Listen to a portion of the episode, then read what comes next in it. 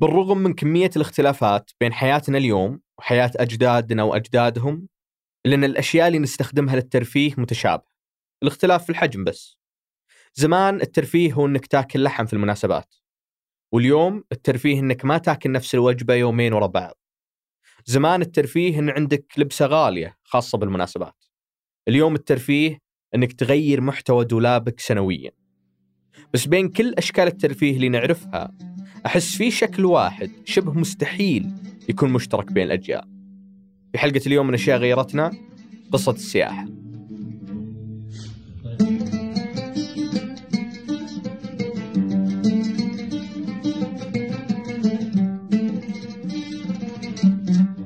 يا هلا أنا مازن العتيبي وهذا بودكاست أشياء غيرتنا من إذاعة ثمانية.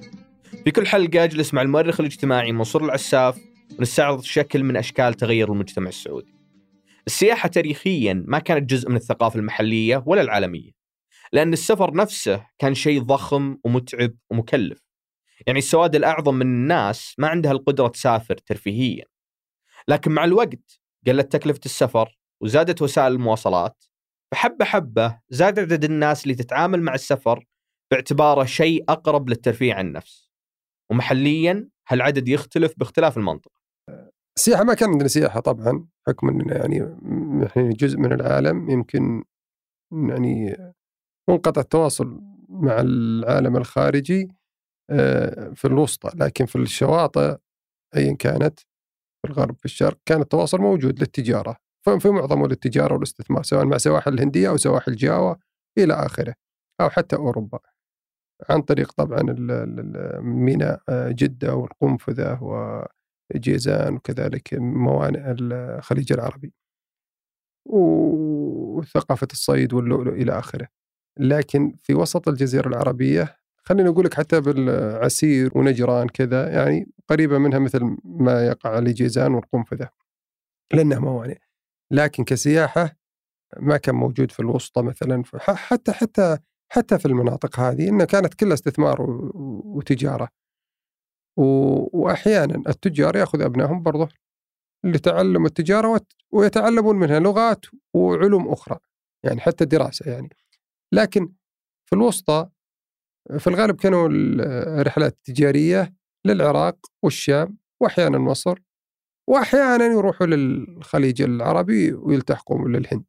بجانب التجارة كان في شيء إضافي عود الناس على السفر. لما شكلت الدولة وقبل قبل توحيد المملكة يمكن بشيء بسيط خلينا نقول 48 28 يعني بدأت نوعا ما إلى حد ما البعثات لكنها في الخمسينات الهجرية الثلاثينات الميلادية بدأت البعثات أكثر مثل تحدثني الابتعاث كان له دور في تشكيل مفهوم السياحة في المملكة لأن حتى لو المبتعث ما يشوف الابتعاث ترفيه المرافق له على الأقل بيستمتع.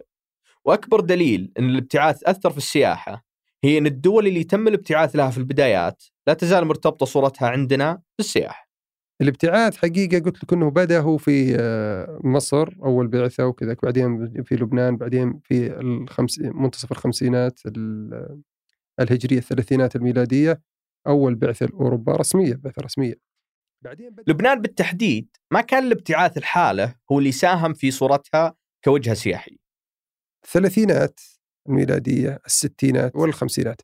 كان المواطن السعودي هنا في البلد في الغالب إذا أحتاج علاج يعالج في لبنان حتى على دولة حتى على حساب الدولة أحيانا وأحيانا على حساب. الدولة كانت تبني مؤسساتها في فترة الثلاثينات والستينات فكان كثير ما تشوف أنه والله وين راح؟ راح لبنان. وين؟ توفي في لبنان. المسؤول الفلاني الشاعر الفلاني الوجيه الفلاني توفي في لبنان. السبب السبب أنه كانوا يعالجوا. كان في مصحات قائمة هناك يعني بشكل كبير على الله سبحانه ثم على السعودية. فإلى أن المملكة يعني بعد التوحيد الحمد لله وال تبني بناء هيك كان في مستشفيات وطبابة لكن تعرف البعثات اللي نزلت في لبنان من دول سواء في من لبنان اللبنانيين انفسهم ولا من الدول فرنسا بالذات وبريطانيا. كان في مستشفيات في جامعات الجامعة الأمريكية وفي ملحقات فيها مستشفيات إلى آخره.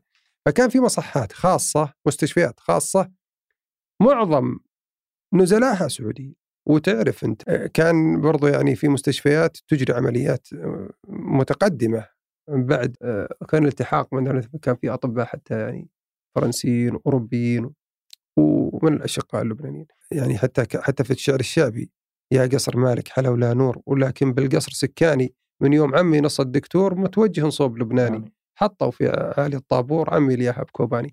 فهذا الكلام في بداية الخمسينات تصور في بداية الخمسينات يعني حتى في الأربعينات كانوا يعالجوا الخمسينات بعد كانت الوقت اللي ظهرت فيه السياحة عندنا كنشاط منفصل ما يحتاج تربطه بأي شيء ثاني.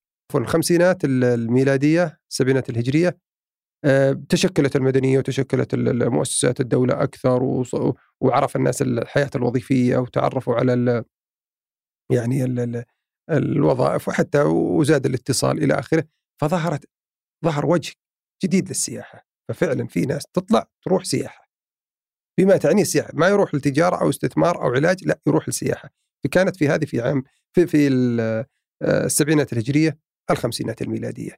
لكنها كانت مقتصرة على آه، الأمراء أو رجال الأعمال أو الأسر التجارية الكبيرة لا سيما في جدة الأسرة التجارية الكبيرة كانت. فأبناء طبقة معينة. أبناء طبقة معينة. عامة الشعب لا ما قليل إنه عن حدث فهو يحدث الذهاب إلى مصر أو لبنان أو أو بغداد يعني أو العواصم العربية. مع مرور الوقت وانتشار المفهوم أكثر كانت لندن واحدة من أهم الوجهات السياحية ومو للسعوديين بس. السلام عليكم. عليكم السلام. وسهلا. الأخوة عرب؟ لا إحنا من عمان يعني. انفتاح السياحة في الستينات أو خليني برضو أقول لك أشكلها أكثر في السبعينات على لندن السياحة السواح العرب كلهم فتحوا في لندن وصارت حتى مقاهي عربية في لندن وصار فيها المد القومي والأدب العربي والأخوة العربية وظهرت كذلك صحف عربية ومنتديات عربية أقول لك حتى كتب ومؤلفات وترجمة ودراسات ومنتديات وجلسات ولوبيات كلها عربية في فترة الستينات والسبعينات. لذلك كانت لندن بالذات يعني لندن وباريس لكن لندن بالذات كانت تجمع عربي سواء في السياحة أو حتى في الدراسة أو ولكن في الشرك الكبير في الدراسة والسياحة. شكلت يعني وجه كبير من فترة في السياحة في مؤشر السياحة في الستينات والسبعينات لا سيما لدى الشباب. وفي السبعينات بعد جاءت نقطة التحول الأهم في التاريخ المجتمعي السعودي. منتصف السبعينات جاءت مثل ما بدأت مثل ما قلنا الطفرة فبدأ عوام الناس في السفر. بس مو الآن بدأوا في أواخر السبعينات وبداية الثمانينات. لما بدأت الطفرة وزاد الرخاء المادي انفتحوا أكثر للسفر. الخارجي.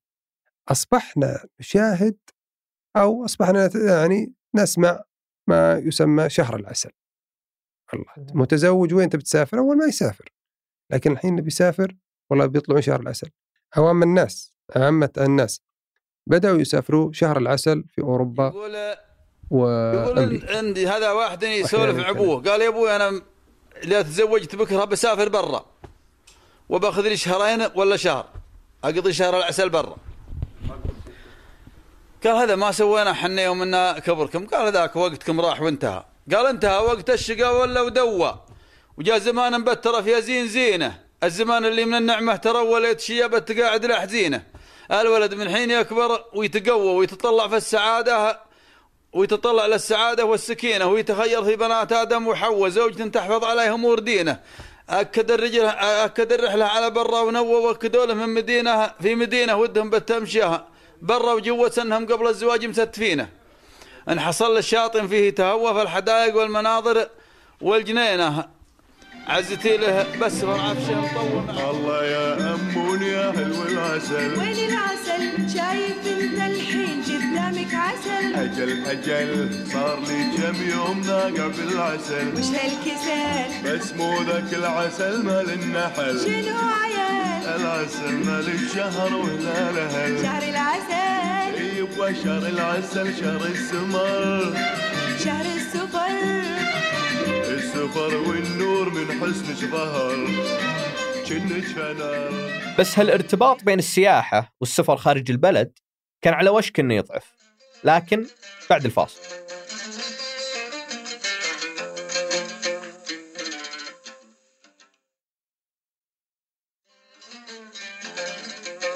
قبل الفاصل تكلمنا عن السياحة في فترة السبعينات وكيف صارت السياحة والسفر للاحتفال والترفيه مفهوم موجود عند نسبة كبيرة من العائلات السعودية. ثم جات الثمانينات وأخذت هالمفهوم وبدأت الطبقة داخليا. والبداية كانت بترويج المناطق اللي جوها يشبه الجو اللي الناس كانت تسافر عشان تستمتع به. الثمانينات ظهرت آه، بشكل كبير السياحة الداخلية. بشكل كبير. لأن آه، أمارة عسير اهتمت في البنى التحتية للسياحة في عسير لا سيما في أبها. اهتمت بشكل كبير. لذلك هي بدأت مشروعها من السبعينات. وبعدين ظهرت في الثمانينات. يعني جدواها ظهر في الثمانينات بداية الثمانينات. استمرت من الثمانينات إلى منتصف التسعينات. ويعني تحقق أرقام قياسية عالية لا سيما في أواخر الثمانينات تحققت أرقام قياسية عالية. الأسر في المملكة وفي الخليج. كلهم يطلعوا للمصايف في أبها وعسير. عسير ما كانت المنطقة السياحية الوحيدة بالسعودية.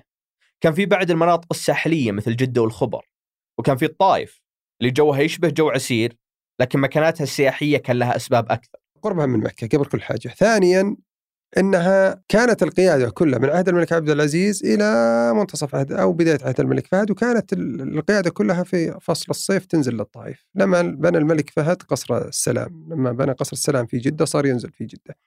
في الفترة ذي لما تنزل ينزل الملك وكبار الأمراء والمسؤولين تنزل حاشية الدولة كلها وأسرهم. كل أغلب المسؤولين في الدولة مع أسرهم فلذلك تفرق كذا فتزيد السياحة.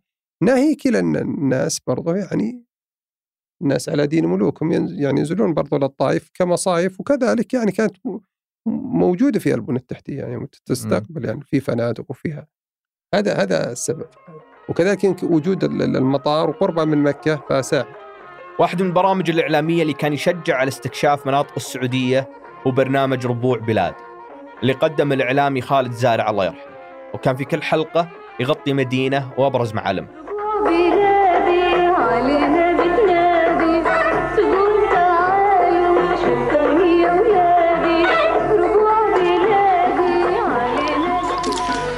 هذه دعوة لك يا أخي المواطن. تعودنا أن ندعوك إليها في كل فصل من فصول الصيف. واليوم فإننا ندعوك لتصحبنا عبر هذا الطريق إلى الطائف مصيف المملكة العربية السعودية في غير موسم الصيف. لأن البرنامج الكلام ما يعني أن السياحة الخارجية تقلصت بالعكس كانت مستمرة في النمو خصوصا في التسعينات. وفي بداية التسعينات تشكل ثلاث أنواع من ال- خلينا نقول آه، الوجهات. الشباب يطلعوا بعض الدول العربية لا سيما سوريا بعض المرفهين ولا بعض المسؤولين ده يطلعوا المربية في التسعينات. وكثير من عوام الناس يطلعوا لل غير الخليج وفتحنا على الخليج أكثر وتزاور هذا فيما بين مصر ثابتة الدول العربية. لكن طلعت لنا ماليزيا فكثير من المعاريس اللي كانوا يروحوا لأوروبا في بداية الثمانينات ونهاية السبعينات صاروا يطلعوا ماليزيا. يعني صار السياحة في ماليزيا بشكل كبير من منتصف السبعينات آه التسعينات. صارت ماليزيا للمعاريس أو حتى للأسر والتجار رجال الأعمال والأمراء كانوا يطلعوا مربيه والشباب ال- ال- ال- الصغار السن وزي كذا يروحوا لبعض الدول العربية لا سيما سوريا. ومع دخول الألفية وحتى الآن كل كم سنة تظهر وجهة جديدة من آخرها خلال السنوات اللي راحت جورجيا وأذربيجان وكرواتيا. بنفس الوقت التشجيع على السياحة الداخلية استمر خصوصا لما دخلت الألفية وصار لكل منطقة شعار تسويقي. مثل جدة غير وحايل صيفها هايل ولا أبها من أبها. والسياحة الداخلية نفسها كان لها شعار. صيفنا مع أهلنا أحلى. قولوها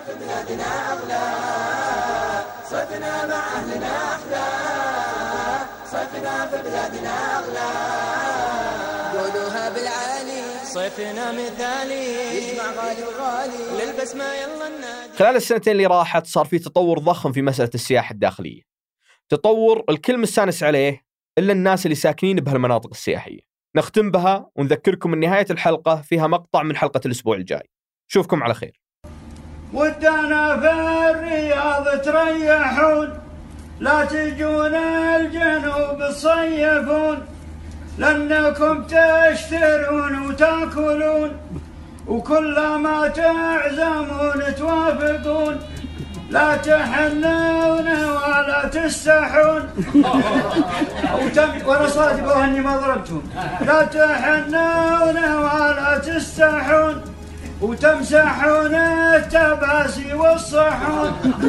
حتى بالسوق غليتوا البضايع. وانحن الله يرحم حالنا. هذه الحلقة من بحث وإعداد الرائع منصور العساف ساهم في إثرائها الدكتور سعود السهلي والدكتور ريان الحازمي والأستاذ نبيل المعجل والأستاذ خالد الدغيم. أنتج الحلقة غيداء جمعان حررتها أنا مازن العتيبي وهندسها صوتيا محمد الحسن وأشرف على إنتاجها العسل ثمود بن محفوظ. لا تنسون تشاركونا ذكرياتكم الشخصية عن السياحة على حساب ثمانية في تويتر أو في المراجعات.